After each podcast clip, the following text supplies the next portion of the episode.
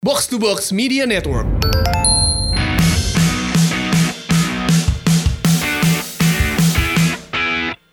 Box to Box Podcast hari ini kita akan membahas apa masalah besar dari Manchester United dan apakah Justin akan menang taruhan dari Pangeran Siaan dan satu masalah pelik yang tidak akan pernah hilang dari sepak bola rasisme dalam sepak bola selengkapnya di Box to Box Podcast.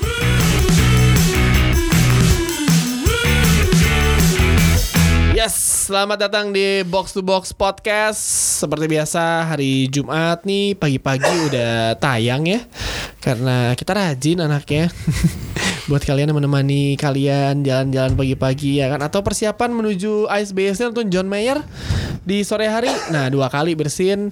Yang bersin tadi ada tamu kita Rana Ditya Alif yang abis take box out langsung gua todong siaran box to box Ran sehat? Kayaknya enggak nih, enggak sehat nih. Nggak terlalu sehat tapi beginilah ceritanya kalau Bapak Pangeran tidak ada. Bapak Pangeran seperti biasa eh eh, Ini gue digilir dari minggu lalu ya. Pange gak ada gue sama Justin. Justin gak ada gue sama Pange doang. Sekarang bertiga lagi Gue Rana dan Justin. Please ah, jangan ada yang nge-tweet no pange no party man. I'm so sick of that. Sama jangan no Justin no party juga sama. Kalian hargailah yang datang di sini ya kan?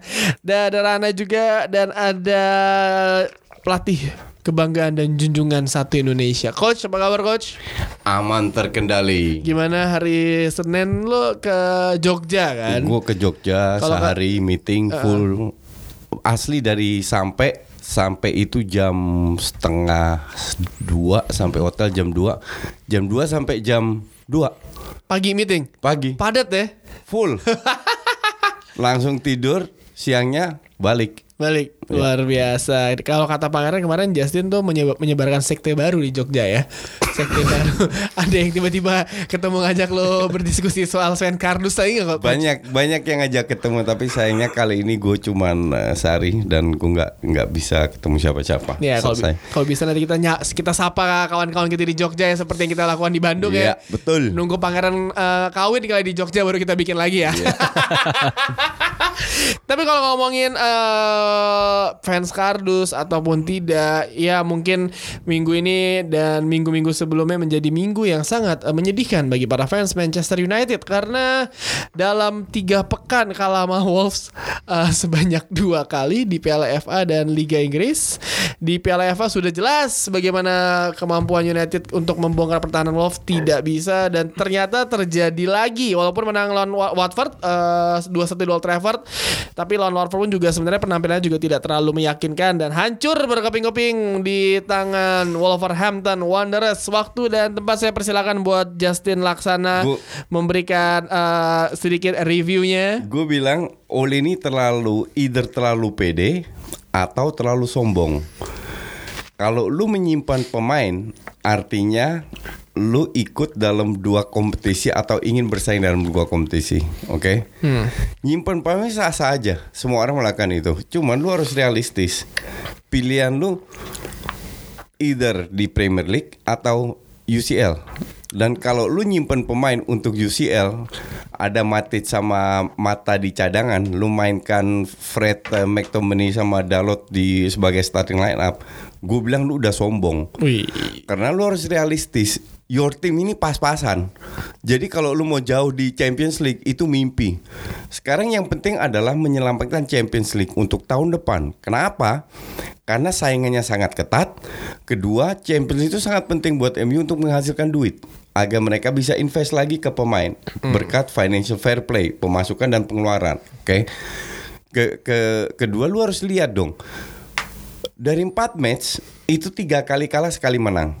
Lu lihat menangnya lawan Watford setengah jam per- pertama atau mungkin 40 menit di babak pertama itu diperes habis-habisan. Dari statsnya shots Watford jauh lebih banyak daripada MU. Padahal MU bermain di kandang sendiri. Ball possession unggul sedikit Watford. Itu kan harusnya menjadi apa namanya warning, ya kan? Menjadi warning bahwa oke memang kita menang, menang berkat kelasnya Rashford. Iya. Oke, bukan karena lu hebat as a team. Harusnya sebagai pelatih lu mengaca. Tim ini ternyata tidak sehebat yang gue pikir. Ketemu Wolves yang di mana leg pertama kalah.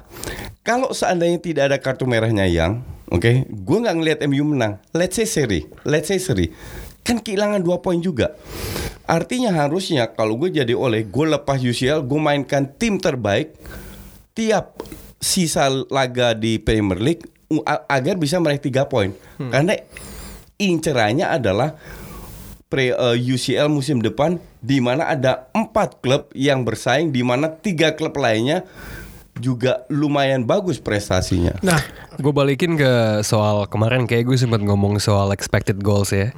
Di situ gue bilang lo lihat deh expected goalsnya United itu jauh di bawah goals yang mereka mencipt yang yang mereka ciptakan. Dan biasanya statistik Ya, ini akan betul. kembali ke ke ke ke trennya.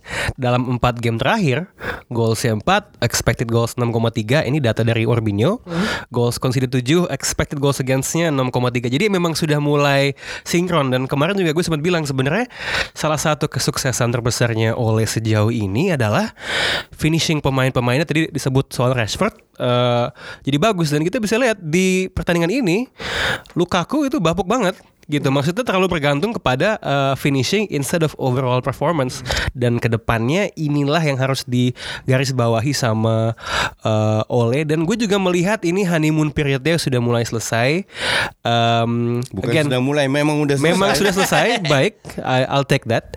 Um, dan ketika menghadapi pelatih uh, yang punya pengalaman ya, Wolves ini di bawah Nuno buat gue musim ini hebat. Yep. Apalagi ketika ketemu tim-tim gede, rekor mereka MU Sebenarnya kalau ka- kalau masih masuk tim gede ya MU ya, oke?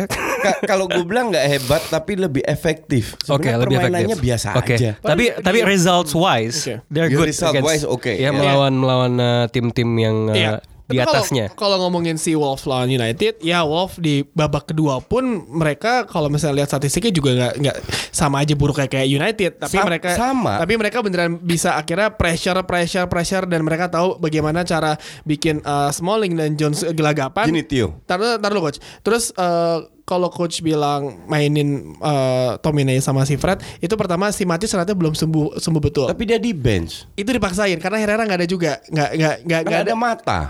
Mata kan beda posisi coach. Ma- Mata, ya, oke, mata biasanya nyerang. bisa dimainkan Nah gitu loh. mungkin uh, pemikiran pemikiran si uh, Ole adalah udah gue mainin Tominay sama Tominay buat gantiin Matic dan yang menurut gua nggak terlalu buruk dibandingin Fred yang yang Setuju. yang yang melakukan blunder fatal yang menurut gua kayak Setuju. 20 menit per 10 15 20 menit pertama United dibilang buruk juga enggak, dibilang bagus banget juga tapi lebih lebih le- lebih menarik dilihat setelah kebobolannya Fred itu udah mulai tuh kayak yang ngentot mulai lagi mainnya yang kayak bener nggak Iya. jelas terus si si si Wolf beneran main nah satu uh, beneran narok satu atau dua orang yang deket Pogba ketika Pogba megang bola beneran nggak bisa ngapa-ngapain beneran ki, pas ya dua pertandingan lawan Wolf Pogba beneran hilang.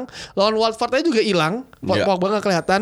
Dan kalau uh, lu lu lu dengar komen apa namanya wawancara Mourinho nggak pas di Portugal dia cerita ada satu pemain uh, United Ya, uh, yang soal Rolls Royce Iya itu. Rolls, Rolls Iya. Royce dia bilang kayak ini per- pertandingan dan sebelumnya eh gue mau ini naik mobil gue ya kayak iya terus kayak nggak bisa terus untungnya tim menang Mourinho Iya. baik ya terus dia kayak itu kan udah terlihat banget sebenarnya kan ego pemainnya kan udah tinggi banget kan dan Iya. ini kan udah mulai terkuak dan uh, gue sih melihat mungkin Oli juga berma lagi ak- lagi ak- ak- akhirnya bermasalah dengan itu juga kan.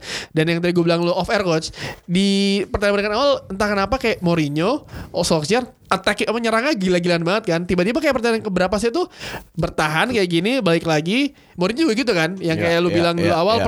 Pas Albert baru datengin Pogba kayak beneran gila nyerangnya tuh parah banget Iya. Pogba cedera mainnya bertahan sampai sampai akhirnya dipecat kan dan tren ini terlihat lagi ketika oleh oleh oleh di setelah menang lawan lawan PSG lu main emang efektif tapi setelah itu lo beneran mainnya kayak nyet lu punya pemain yang Jadi pemain agak yang- reaksioner ya. Iya. Begitu mulai ketebak, oke jadi agak hati-hati. Cuman kalau buat gue dua dua hal tarikan gue adalah satu di pertandingan ini MU setelah eh, di equalize kelihatan sangat susah untuk bisa Iya. mengembangkan permainannya. It, it tells a lot about karakter timnya sendiri ya gitu ya kemampuan untuk menghadapi adversity gitu satu dua juga kalau gue lihat dari Fred dan Beckett kemarin I mean ya mau gimana pun caranya musim panas harus invest sih harus, Harus. invest sih harga mati sih kalau buat gue gini gini gini. Ka- kalau lu sebagai pelatih lu tahu lu punya pemain bintang satu eh, bahwa lu membangun tim ini untuk pemain bi- bintang itu oke fine. Kita bicara MU melawan Wolves loh. Sekarang kita bicara statistik, oke? Wolves melakukan 510 passing, MU 515. Beda tipis, cuman 5. Passing yang sampai Wolves 417, MU 417, sama. Jadi dari sisi passing ball possession hampir sama. Terus shots MU 18 shots, 9 on target, 50%. Wolves 9 shots, 4 on target, hampir 50%. Masuk dua. Jadi masuk dua. Oh yang yang yang bunuh diri nggak nggak nggak dihitung ya berarti ya? Big change tiga melawan tiga. Jadi secara statistik itu hampir sama semua. Tapi kita bicara ini Wolves, sehebat apa sih Wolves? Coba lihat cek ranking berapa dan berapa poin. Baru 40 poin. Jadi kalau lu bilang kalau lihat lihat match yang kemarin bahkan dua match MU ini levelnya Wolves. Iya. Gue sih gue aja tim lo. kalau kalau enggak, enggak, enggak, enggak. Kalau lu nggak setuju memang dan dan kita bicara Pogba dari 90 menit dia bermain dia melakukan zero shot, Nah, zero assist. Sorry, satu shot, satu shot. Itu zero juga satu ngacau, Nah, ngacau. zero assist.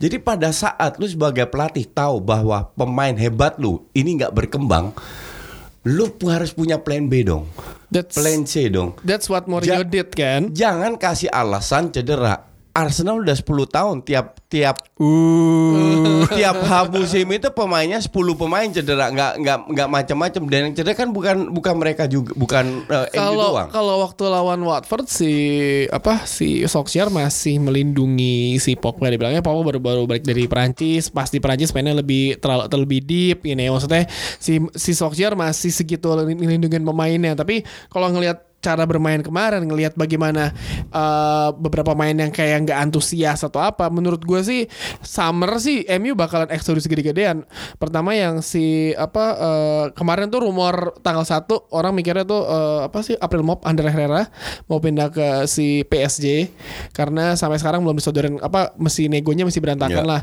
Uh, itu ternyata emang Herrera emang cedera terus kalaupun uh, Herrera pindah pun nggak bakal mempengaruhi permainan Herrera karena kita lihat apa yang dilakukan sama Ramsey kan Ramsey udah pasti ke Juventus tapi tetap memberikan 100% Ya, bagi ya, bagi ya, timnya ya. kan dan kemungkinan besar United juga kalau De Gea nggak mau perpanjang kontrak musim summer dilepas daripada dilepas Free, sebagai free. Alexis Sanchez juga bakal nih gue baru baru baca berita dari si uh, Guardian ya which is sumbernya mungkin bisa di- sangat bisa di- dipercaya bakal banyak eksodus besar-besaran David De Gea, Ander Herrera kemungkinan Juan Mata, Marco Rojo, Matteo Darmian karena masih cedera. Antonio Valencia emang udah bilang mau musim ini musim Ya, terakhir ya. karena dia ngerasa level dia bukan di top Udah lagi, udah ya, udah ya. udah udah mawas diri lah. Dan emang bener kata Rana United di summer mau nggak mau masih invest. Pertama di back itu yang dimulai sama Mourinho kan sejak awal musim. Pertanyaannya sekarang adalah seberapanya seorang Woodward eh, mau invest di MU karena Nah. dua dua musim sebelumnya investnya sih untuk klub sebesar MU sekaya MU itu lucu. Lucu tapi balik modal coach. Untungnya lebih gede. Di Exactly. luar di luar nggak dapat nggak piala gitu aja ya. Heeh. Apakah lu sekarang sebagai klub yang terkaya di dunia incernya masih balik modal? Nah, Kompetitor lu itu keluar duit jor-joran loh. Iya, iya, sekarang gini. Kayak kemarin kita bahas di pekan lalu yang bilang eh, MU lagi nyari da- direktur klub kan, direktur sepak bolanya kan. Iya. Dan itu kan mau nggak mau mesti lo orang yang ngerti bola dan emang pemain yang diincar sama Mourinho awal musim eh, Harry Maguire sama Jerome Boateng, back semua kan. semua tim sama Godin, semua pemain, Semua pemain belakang. besar diincar sama Mourinho Iya. dan nggak dikasih. dan pemain belakang banyak kan kan tapi emang akhirnya dapetnya Fred ya kan sama sama eh, apa Fred itu namanya? nggak murah juga loh pemain kayak Ligren, begitu. ya kan? Tapi maksud gue eh ya itu permasalahan Mourinho sama Woodward. Mourinho setelah nggak diiyain sama Woodward ngambek kelihatan ngambek ya. Plus Mourinho juga nggak ada Rui Faria eh, apa namanya tangan kanan kesayangannya dia sejak dari dulu kan. Jadi ya agak goyang. Mah pas oleh ini gue ngelihat permasalahan utamanya adalah eh kayak gini gue ngeliatnya gue pas menang lawan PSG gue gue senang. Wah senang menang. Tapi maksudnya kayak ini euf euforianya berlebihan nih. Nggak klub nggak Iya, fansnya lebay betul. nih lebay nih. Lu ya menurut gue kayak oh iya gue senang lu dengan pemain seperti itu bisa ngalahin PSG walaupun di terakhir ya orang bisa Walaupun faktor lag yang gede. Iya laka gede dan laka yang nggak dicari eh, gitu kan. Dan menurut gua euforia lu kepanjangan nih, ya kan? Iya. Kepanjangan nih. Bener. Pas lawan Arsenal yang kalah gue mesti kayak oh ya udah kalah lawan Arsenal.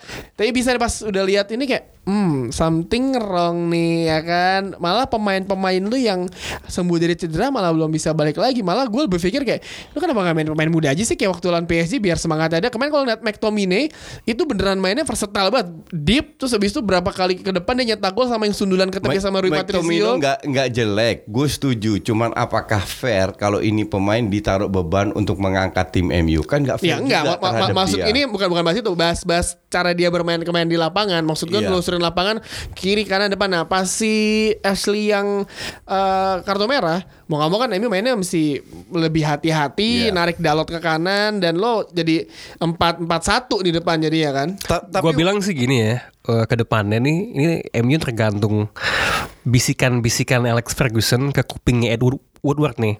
Kalau misalnya MU tiba-tiba entah kenapa surging nih, eh, I don't see it happening ya di akhir musim tiba-tiba, let's say eh, entah gim- gimana ceritanya jadi peringkat 3 atau 4 Gue malah mikirnya, oh ini jangan-jangan Ed Woodward bakal kayak, ah ini nggak kenapa-napa ah, gue mau invest gitu. Iya. Tapi kalau misalnya 6 ya baru menurut gue gue gue gue sih gue sih mau ranking tiga pun MU musim ini. Aha. Gue tidak lihat mereka akan invest Oh ya. karena sama kayak Arsenal, ownernya Amerika, dua-dua pengen cari duit Nah. dan dua-dua nggak keluar duit. Cuman be- bedanya Unai Emery beli lima pemain murah, lima lima punya kontribusi. MU beli tiga empat pemain nggak murah juga, tapi nggak berkontribusi. Jadi Socrates Papastopoulos juga kontribusi. Lumayan lah. Asik. Akhirnya sengaja iya sengaja gue emang. Enggak lah, so, so, so, Socrates not bad lah. Untuk untuk seharga itu not bad lah. Oke oke oke. Oke, tapi iya benar. Gue agak setuju. Daripada Fred, Gue agak setuju sama si Rana dia bilang MU mas nggak nggak masuk Liga Champions main di Europa League kan belinya Pogba gol jualan setelah masuk Liga Champions musim lalu beli belinya Fred kan Fred, Dalot, ya dan dan- gue lihat MU tuh kayak dia bereaksi ketika wah ini kayak krisis banget gitu loh. Iya. Reaksioner banget. Mereka itu bukan nggak mau keluar duit. Hmm. Bukan tidak punya duit tapi nggak mau keluar duit. Pelit aja, pelit. Pelit. Nah ini yang gue lihat musim depan pun juga begitu. Ma- maka dari itu Kak, kalau lu bilang akan ada exodus, oke, gue gue Iya, setuju. Keluar sih pasti banyak. Iya. Apalagi- Apalagi kalau misalkan gak masuk Liga Champions, saya mana mau Pogba main di klub yang main di- Pertanyaannya yang masuk kayak apa abis itu? Nah. Iya, kalau lu beli pemain muda, fine, nggak ada masalah, murah untuk jangka panjang. Tapi at least lu butuh empat pemain yang sudah punya nama, yang sudah pasti siap bertarung. Tapi yuk kenapa sih bisa sepelit itu? Maksudnya gini loh. Gue gue nggak gue bukannya mau ngebelain uh, Stanley. Kroenke ya. Glazer man, what do you expect? Namanya Stanley udah Kroenke tuh punya klub lain gitu ya. Atau misalnya kalau Liverpool nggak pelit, John Henry punya Boston Red Sox gitu. Dia punya Iya, baik lain gitu. Glazer kan nggak punya Nah, gini, dari zaman dari zaman dari kan zaman. Sir Alex pun emang emang emang terlihat ngeluarin pemain tuh yang penting-pentingnya ya. Bedanya zaman Sir Alex sama sekarang, Sir Alex tuh belinya tuh beneran beneran yang dia butuhin. Dulu 9899 dia butuh satu striker buat eh, dampingin si Cole, Dwight York sama back Yapstam udah beli dua itu sukses kan Jasper Blomqvist dibeli buat backup Ryan Giggs terus kita beli Van Persie musim sebelumnya kan MU kalah agregat gol sama City Iya. itu yang Ferguson bilang tahun depan tenang kita bakal eh, banyak nyetak gol datangin Robin van Persie dan terbukti kan Juara. Van Persie juara terus eh, ketika eh, Habis itu jeblok. ya wa- eh, bingkisan satu musim iya, dari Wenger. Sampai sekarang jebloknya. terus udah gitu eh kalau Ronaldo beda, Ronaldo kan emang investasi dari dari, dari Iya. muda kan. Eh lu ya walaupun banyak yang gagal, Juan Juan Seba Veron gagal ya Iya. kan. Karena waktu itu Di Maria gagal. datangnya Juan Veron itu si Ferguson mau nggak mau ngubah skemanya untuk pertama kali United main pakai playmaker dan itu ngubah posisi Scholes sama Roy Keane. Wah, eh, ya dibilang bagus banget enggak, dibilang jelek banget juga enggak. Yes, dua tingkat di atas jelek banget lah di, Veron. di bawah ekspektasi Di bawah ekspektasi harganya juga mahal. Lu waktu itu butuh back tengah. Beli Rio Ferdinand, investasi 10 tahun cuy. Iya. Ya kan, lu beli Wayne Rooney, pemain muda investasi sampai 15 tahun 20 tahun. Dan itu emang MU selalu kayak gitu dulu. Nah, beda ya setelah itu pergi Datang nih pelatih kayak David Moyes Belinya ugal-ugalan dadakan Menit terakhir dibego-begoin sama Everton Di setahu seingat gua berapa bulan sebelum itu Si Everton nawarin Udah harganya misalkan Fellaini. Iya Fellaini harganya seribu misalkan nih Edward enggak ngapain Bicara yang lain Pas sudah last minute Everton nawarinnya lima ribu Lu mau gak lima ribu Take it or Dibeli. leave it. Dibeli ya Iya. kan Eh abis itu kan diincar Toni Kroos apa ya dat- datang kan Fellaini ya Eh eh, Tia apa Tiago apa eh, Tiago Alcantara yang muncul. Diincar kan datang kan Fellaini tengah musim dapat dapat Juan Mata tapi dibegoin sama Chelsea adalah lu beli Juan Mata setelah lawan Chelsea. Juan Mata lawan, lawan MU lawan Chelsea di Stamford Bridge masih main. Hmm. Besokannya baru pindah berapa hari baru pindah dan itu ya maksud gue setelah itu tuh MU tuh kayak panic attack aja lu mau beli pemain. Nah, lo beli di Maria itu si Van Hal Van Gaal yang mau. Van Hal yang mau dan dia emang butuh kata Van Hal gue udah naruh di Maria di semua posisi serangan tapi dia nggak bekerja jadi bukan salah gue menurut Van Hal kayak gitu Iya, kan tapi iya menurut gue memorable umpan dia ke Juan Mata yang Anfield itu. Nah terus Falcao dibeli karena dengan opsi pinjam pinjaman doang. Karena si si Van Hal tahu nih ya lu banyak cedera ya udah gue pinjem aja lah. Ternyata Ya. ber- berusakan juga. Terus eh, Bastian Schweinsteiger dia alasannya gue butuh kapten. Dalam hati gue Bas kita nggak bisa mengingkari Schweinsteiger tuh salah satu gelandang terbaik pada masanya. Iya, iya. Tapi pas ke MU itu udah mulai grafik turun tuh, Iya, udah mulai iya, cedera dan apa-apa. Emang si si si, si kaptennya masih ada di lapangan, tapi lu kalau lu nggak main tiap minggu lu cedera, lu mau Susah ngapain? juga, iya. Lu nggak lu nggak bisa ngejar Lionel Messi di keliling lapangan lagi kayak waktu Piala Iya, iya. 2014. Datang Mourinho beli Pogba, beli ini. Datang Pogba menurut gue oke, lu emang butuh kali. Beli Ternyata Lindelof. Ya, Lindelof menurut gue malah malah Itu kan opsi keempat. opsi keempat dan akhirnya sekarang musim ini terlihat bagaimana Lindelof eh, agak peni- ada peningkatan, ada Iya. peningkatan. Lindelof tidak jelek, tapi masih kurang bagus untuk tim sebesar Nah, MU. harusnya lu beli pemain kalau back kalau back ya. Lu kayak yang dibeli Ferguson Rio Ferdinand.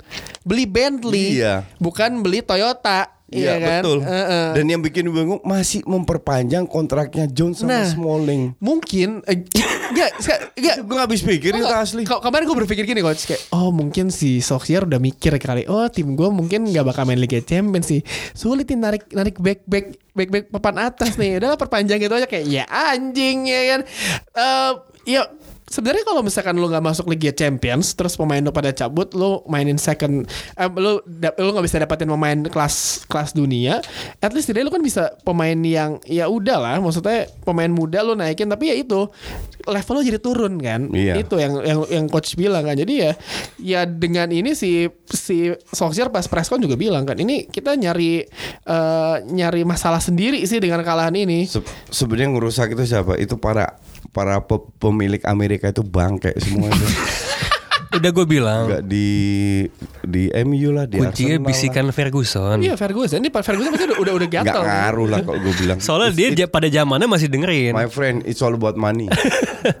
Tapi emang uh, plus uh, ternyata emang banyak yang kayak mikir kayak oh ini class of 92 ternyata kan maksudnya kayak lu romantisme lu udah selesai nyet. Lu Iya. lu mesti bikin legasi baru setiap kali Iya, betul. siapa pun pelatih yang masuk atau pemain baru capek be- bengak apa jengah lu dibanding bandingin sama Iya, pemain betul. sebelumnya. Tapi menurut gue juga secara cash flow-nya United ya, bagaimana mereka menganggarkan gaji juga bermasalah sih. Karena oke kalau lo jadi bos yang, let's say gue agak mengesampingkan faktor kalau dia tidak peduli pada hasil di lapangan ya, tapi dia ngeliat jumlah uang yang dia gelontorkan, wage bill-nya United itu kalau nggak salah yang paling mahal di Liga Inggris gitu loh. Jadi Income-nya juga paling gede. Nah itu dia. Eh, tapi tadi soal apa financial fair, Fair play, play. ya, lo mention. Cuman dia juga pasti ngeliatnya kayak gue udah ngeluarin uang segini, tapi kok hasilnya gini-gini aja. Ini karena dia, again, kalau lo jadi fans uh, bola, makanya owner kan idealnya kan emang orang yang emang suka bola kan.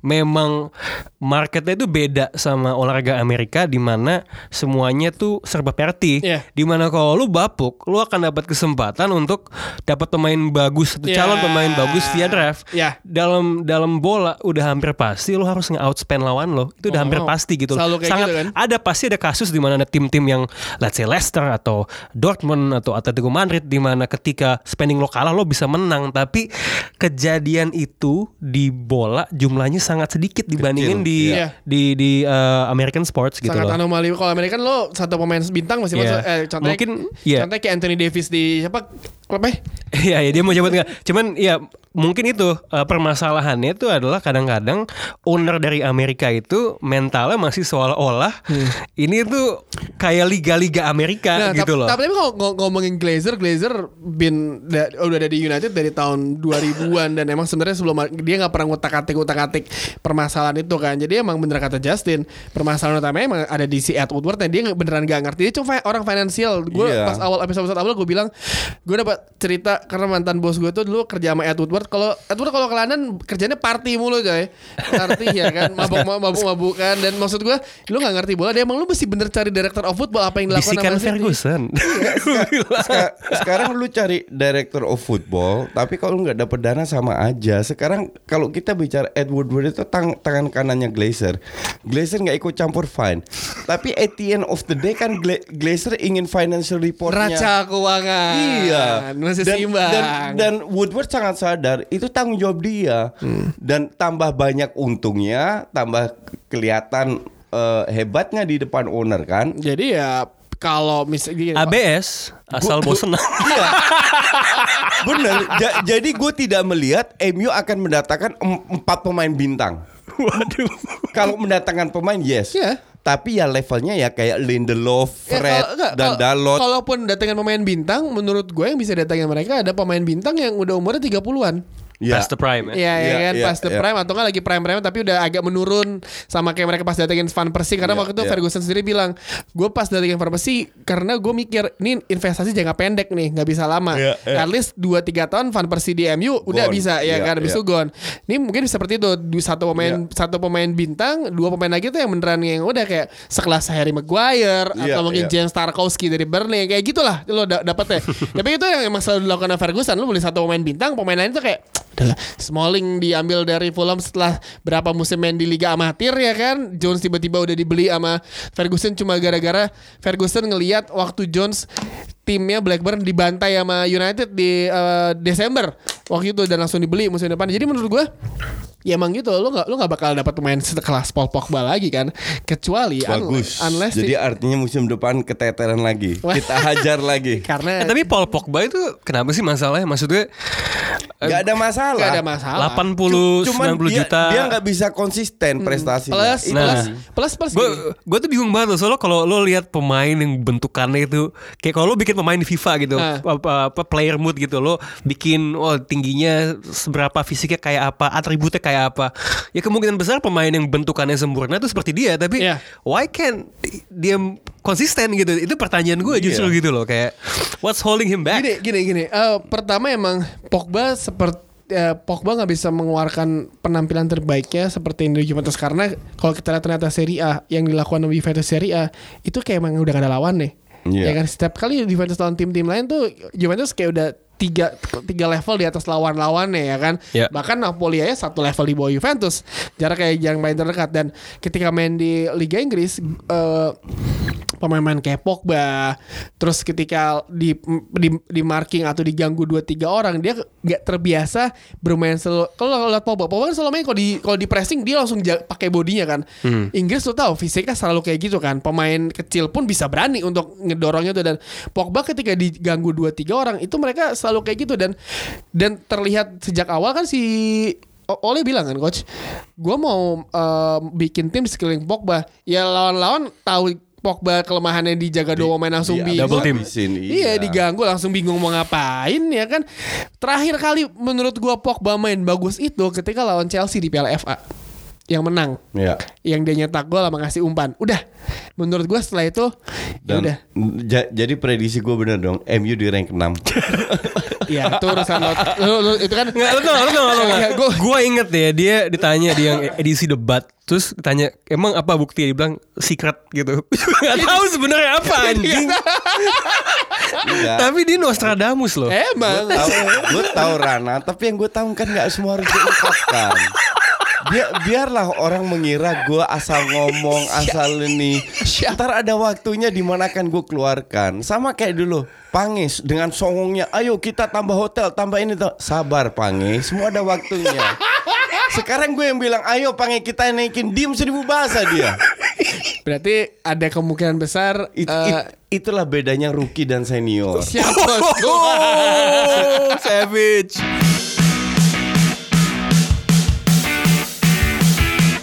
ya mohon maaf nih kalau segmen satu tadi kebanyakan bahas MU, tapi emang enak-enak dibahas. Masalah ada Justin ya kan. Kalau ada Pangnya pasti Pangnya ngebelain terus ya kan. Selalu bilang pasti bakal bilang gue masih percaya United. Ya udah, tapi ada Justin sama Rana bukan fans MU cuma gue fans MU. Kita memberikan memberikan uh, analisis gembel kita ya, Anabel ya, Anabel. Tapi yang menarik juga di akhir di akhir pekan dan juga di sepak bola beberapa belakangan ini adalah dimulai menurut gua itu kejadian terjadi ketika Inggris melawan Montenegro. Itu mulai lagi menyeruak lagi kabar eh, berita soal rasisme di sepak bola. Eh, yang paling sering karena Rahim Sterling dan terakhir Moiskin, Kin ngomong ya, Kian, Kin, Moiskin itulah ya. Gua tahu. Iya, si ya? striker Juventus itu nyetak gol langsung selebrasi dengan gayanya seperti itu. Dan yang paling anjing ya menurut gua adalah si semua orang pada kesel nih sama Bonucci, komennya Bonucci. Ya itu 50-50 lah, kita nggak bisa nyalain maksud gua. Ja, pemain ya si Moiskin di selama pertandingan di abuse soal rasisme rasial banget ya kan?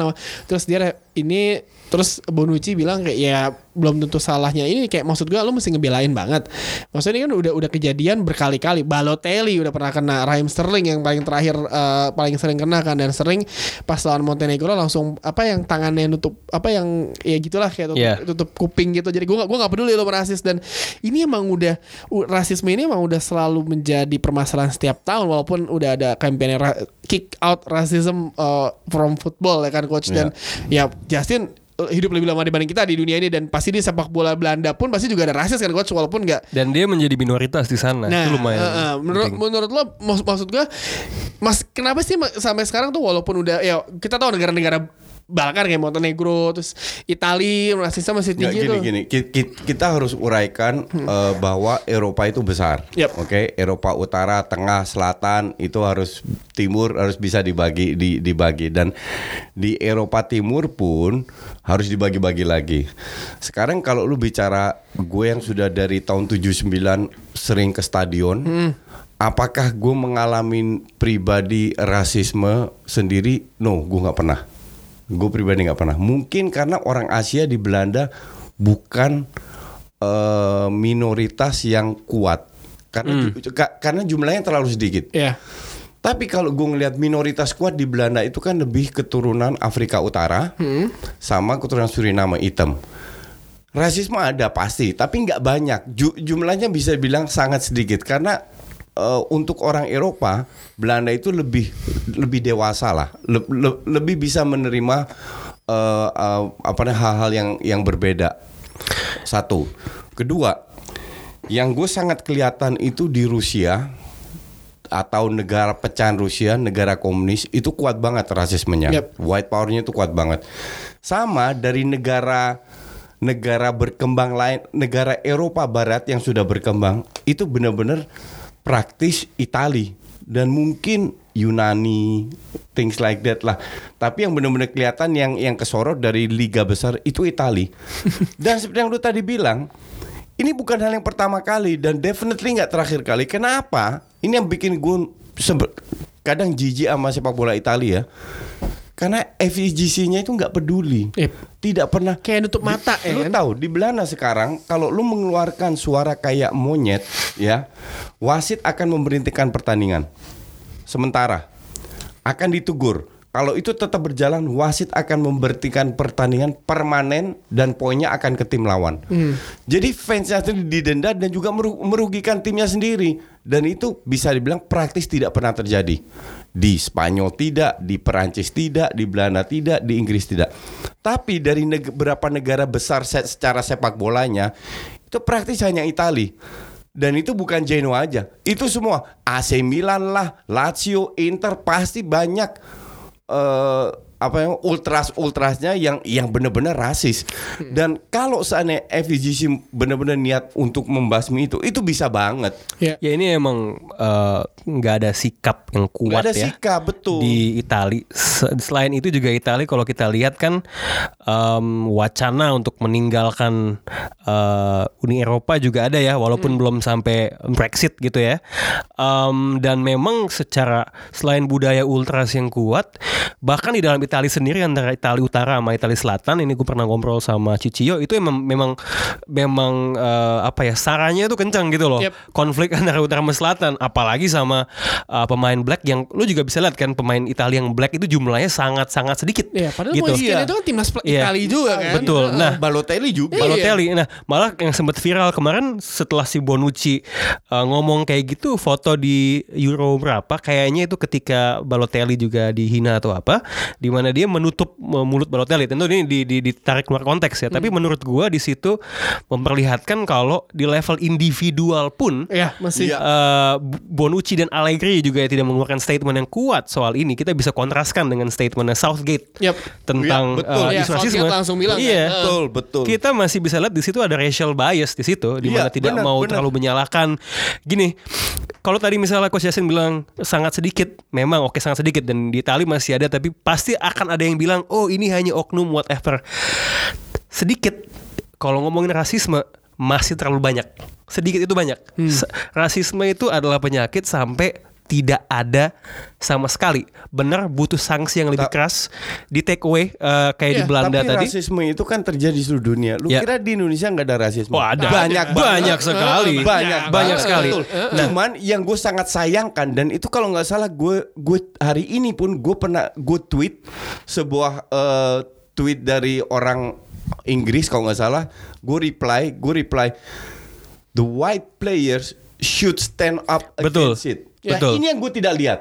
Betul. Ini, ini kalau di di Belanda atau Inggris, pemain kulit putihnya, pemain pemain eh, pelatih kulit putihnya, mereka akan fight, mereka akan teriak Pasti. bahwa ini tidak boleh. Dan ini gue tidak lihat di Italia. Inilah salah satu alasan kenapa gue muak nonton sepak bola Italia. Lo bisa lihat di Amerika aja nih, di mana atletnya dominan black, ada atlet NFL, ada atlet NBA. NBA, yang speak up against isu-isu ini. Padahal mungkin rasismenya jauh lebih parah di Itali gitu ya. Eh, kemudian solusinya apa? Selain sanksi yang lebih keras, eh Gareth Southgate juga kemarin itu mention apa ya? Selain sanksi, apalagi yang bisa dikasih? Edukasi itu penting. Eh, itu bisa dilakukan di level negara, institusi, Kementerian Olahraga, tapi juga kalau kita ngomongin ini ultras, klub juga bisa melakukan sesuatu. Harusnya klub, betul. klub harusnya gua, melakukan gua, sesuatu. gua mencontohkan ini sebenarnya bukan soal rasisme uh, warna kulit ya, tapi soal antisemitisme. Borussia Dortmund itu daerah yang uh, Dortmund itu daerah yang cukup sayap kanan sebenarnya di uh, Jerman. Gelsenkirchen. Ya, Gelsenkirchen itu uh, apa dengan Schalke dan lain sebagainya. Dia setiap tahun mengadakan kunjungan ke concentration camp. Biar orang tahu sebenarnya uh, pembantaian terhadap Yahudi itu separah apa. Itu contoh langkah proaktif yang diambil sama klub untuk uh, mengedukasi fansnya yang paling hardcore untuk tidak melakukan tindakan-tindakan yang Sarah. Lo Iya. tahu apa yang dilakukan oleh klub dan dan pemain? We dis we distance ourselves from those statements. Nggak It's- mau kotor. It's, it's against our policy. Udah that's it. Cuman keluarkan statement Cuma itu statement udah. doang, udah. Iya. Nggak ada- nggak ada ada efek. sanksi, nggak ada dikosongkan, nothing. Dan dan emang berapa bulan terakhir ini emang pemain udah apalagi khususnya di Inggris ya. Inggris yang yang kita lihat uh, pemain Inggris tuh banyak udah beneran udah ngeluarin aksinya karena rasisme ini bisa berhenti atau mungkin agak tergerus uh, kad, apa tingkat rasismenya kalau pemain juga bereaksi kan. Ini yang Betul. di- dilakukan di Inggris di Belanda dilakukan kan dan presiden UEFA pun setelah kejadian kemarin yang Callum Hudson-Odoi yang dirasis dia pas lawan uh, kualifikasi terakhir Montenegro, Iya. dia juga bilang wasit mesti berani Ambil tindakan. ambil Betul. tindakan berhentiin pertandingan Betul. kalau ada rasisme. Dan itu emang mak- maksud gua Itu kalau wasit Belanda itu diberhentiin itu. ya kan emang ya, karena emang Belanda loh yang yang misalnya kita lihat orang Belanda orang Indonesia aja baik banget di Belanda kan Iya. keturunan Indonesia maksudnya kan emang. It- multicultural banget kan Kalau kalau kalau orang Indonesia dibanding yang lain masih sedikit jumlahnya. Ya, itu maksudnya multicultural banget Oh kan di, iya, di, di, banget. di negara-negara itu Tapi kan. going back ke kasus yang di Montenegro ya, ada satu exchange yang menarik Uh, karena sebenarnya ketika Gareth Southgate ngeluarin statement kalau rasisme ini masalah dan lain sebagainya, salah satu wartawan Montenegro ini sebagai negara kecil uh, menang mencoba nanya menanggapi keluhan soal rasisme dan bilang ini sebenarnya nggak sebegitunya kan? Apakah karena ini Inggris yang ke sini lo sebawel itu? Kemudian Gareth Southgate menurut gue mengeluarkan poin yang menarik di mana dia bilang di Inggris juga sebenarnya masih rasis. Karena rasisme itu tidak hanya exist di stadium uh, uh, ada oh, katakanlah I hate this word oknum yang melakukan itu, tapi dari peliputan media uh, cara-cara yang lebih halus. Kayak bagaimana media let's say The Sun di Inggris itu meliput Raheem Sterling ketika dia beliin Oh, iya, ada, uh, ada. rumah Heeh. uh, dan mobil untuk orang tuanya. Dia bilang dia adalah seorang uh, anak muda yang hedon. Dibandingkan sama Phil Foden. Ketika Phil Foden melakukan hal yang sama kulit putih wah dia anak yang yang berbakti. Jadi bias-bias seperti ini selalu ada bahkan di negara yang mungkin kita anggap uh, maju dan pastinya Selalu, ke depannya pasti selalu ada. butuh edukasi butuh proses untuk bisa menyingkirkan bias-bias ini. Dan kalau kalian mau yang mendengar ini mungkin mau lihat bagaimana separah apa di Eropa, eh, ini yang komen baru nonton sebentar sih yang si apa dokumentasi dokumenter soal Beitar Yerusalem yang pure eh, Yahudi, Yahudi, satu klubnya ada dua pemain Muslim karena owner baru kan Ya. ditarik itu pemainnya di abuse sendiri padahal nyetak gol. Iya. Ya tapi maksud gue it's it's it's it happens itu itu masih kejadian. Iya, Yes, karena mereka punya tradisi pure. Cum- Pure. cuman ke- kembali lagi kalau yang melakukan tindakan rasis ini kan faktor eksternal pe- penonton dan lain-lain. Cuman yang gue gue nggak habis pikir kenapa temen lu sendiri pelatih lu sendiri lu nggak mendukung full. Iya. Klubnya nggak mendukung full kayak Allegri dan Bonucci. Untuk gue itu disgusting apa yang dilakukan. Karena Moiskin sebelum dia cetak gol dia sudah di yell yell secara rasis. Baru dia melakukan tindakan reaksioner ter- karena dia men- mencetak gol. Gitu bisa dikritik sama Bonucci. Lu itu siapa? Ngerti nggak lo? Juventus ini ini sorry to Dan- say ya, bu, ya buat fans Juventus ya. Isu ini isu Ronaldo yang katanya memerkosa. Ini Iya. emang gimana ya cara klub ini melakukan humasnya ini berantakan banget. berantakan banget menurut gua. kayak kayak kayak kayak bener nggak ngelindungin pemainnya Iya. juga kan. Dan yang lucu, gue kan deket dengan Milanisti ya. Dan ada berapa da- dari mereka itu benar-benar fanatik sekali. Gue cuma berpikir lu pernah nggak ke Italia masuk ke antara ultras bisa digorok lu, ngerti nggak? Dan lu, lu itu nggak usah sok-sokan fanatik ter- terhadap tim-tim Italia dan lain-lain karena lu Iya. di sana nggak diakui Itu gitu. bakal dianggap plastik dan, dan Iya. apa yang ngomongin Rana tadi yang rasismenya terselubung ini terjadi ketika kalau kita bahas Jerman, Mesut Ozil, Betul. Ilkay Gundogan dan pemain Saya Jerman kalau menang, saya Turki kalau kalah. Dan itu terjadi kan itu maksudnya? enggak ke- kalau kalau hal seperti itu kalau gue bilang ya ini pendapat gue pribadi ya usul sedikit dramatisir sedikit dramatisir. Gue gue tidak bilang dia tidak salah karena di Belanda pun demikian. Di Belanda pun demikian zamannya Ruud Gullit, Seedorf, Kluivert masih banyak itemnya. Kalau seandainya kalah seolah-olah mereka pemain item yang jelek. Ka- kalau bagus mereka orang Belanda itu terjadi di seluruh dunia. Sekarang kan kembali lagi ke sikap yang lu harus ambil. Ke sikap lu ambil sebagai FA-nya, sebagai in this case KNVB atau FIGC, sebagai klubnya dan yang lebih penting adalah sebagai temen temen mainnya satu tim dan pelatih lu. Kalau temen lu sendiri masih menyalahkan lu yang menjadi korban, Bonucci itu salah satu pemain yang penting yang terkenal di dunia.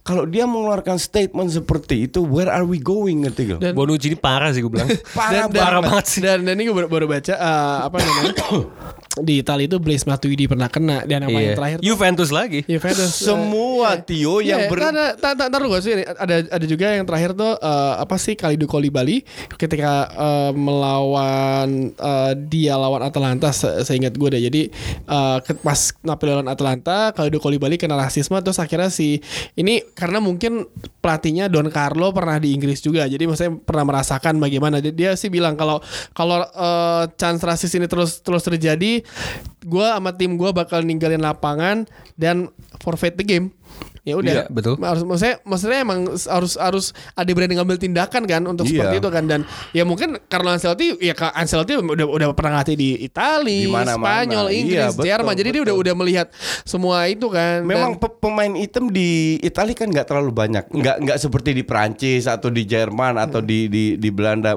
Dan cuman gue gue sangat menyayangkan aja bahwa pemain putih Italia lainnya itu nggak nggak ambil tindakan, mungkin mereka Terlihat juga- tutup mata aja. Iya, m- mungkin untuk gue mereka rasis terselubung. Nah iya, udah biasa punya white privilege. Iya. Ya. Ya kayak di film Get Out Ja- gitu. So, so Iya, berteman-teman orang hitam padahal yang dibutuhin kemampuan fisiknya Iya. aja. Iya, heeh. Jadi baguslah lu nggak lolos Piala Dunia. Kenapa kalian ketawa?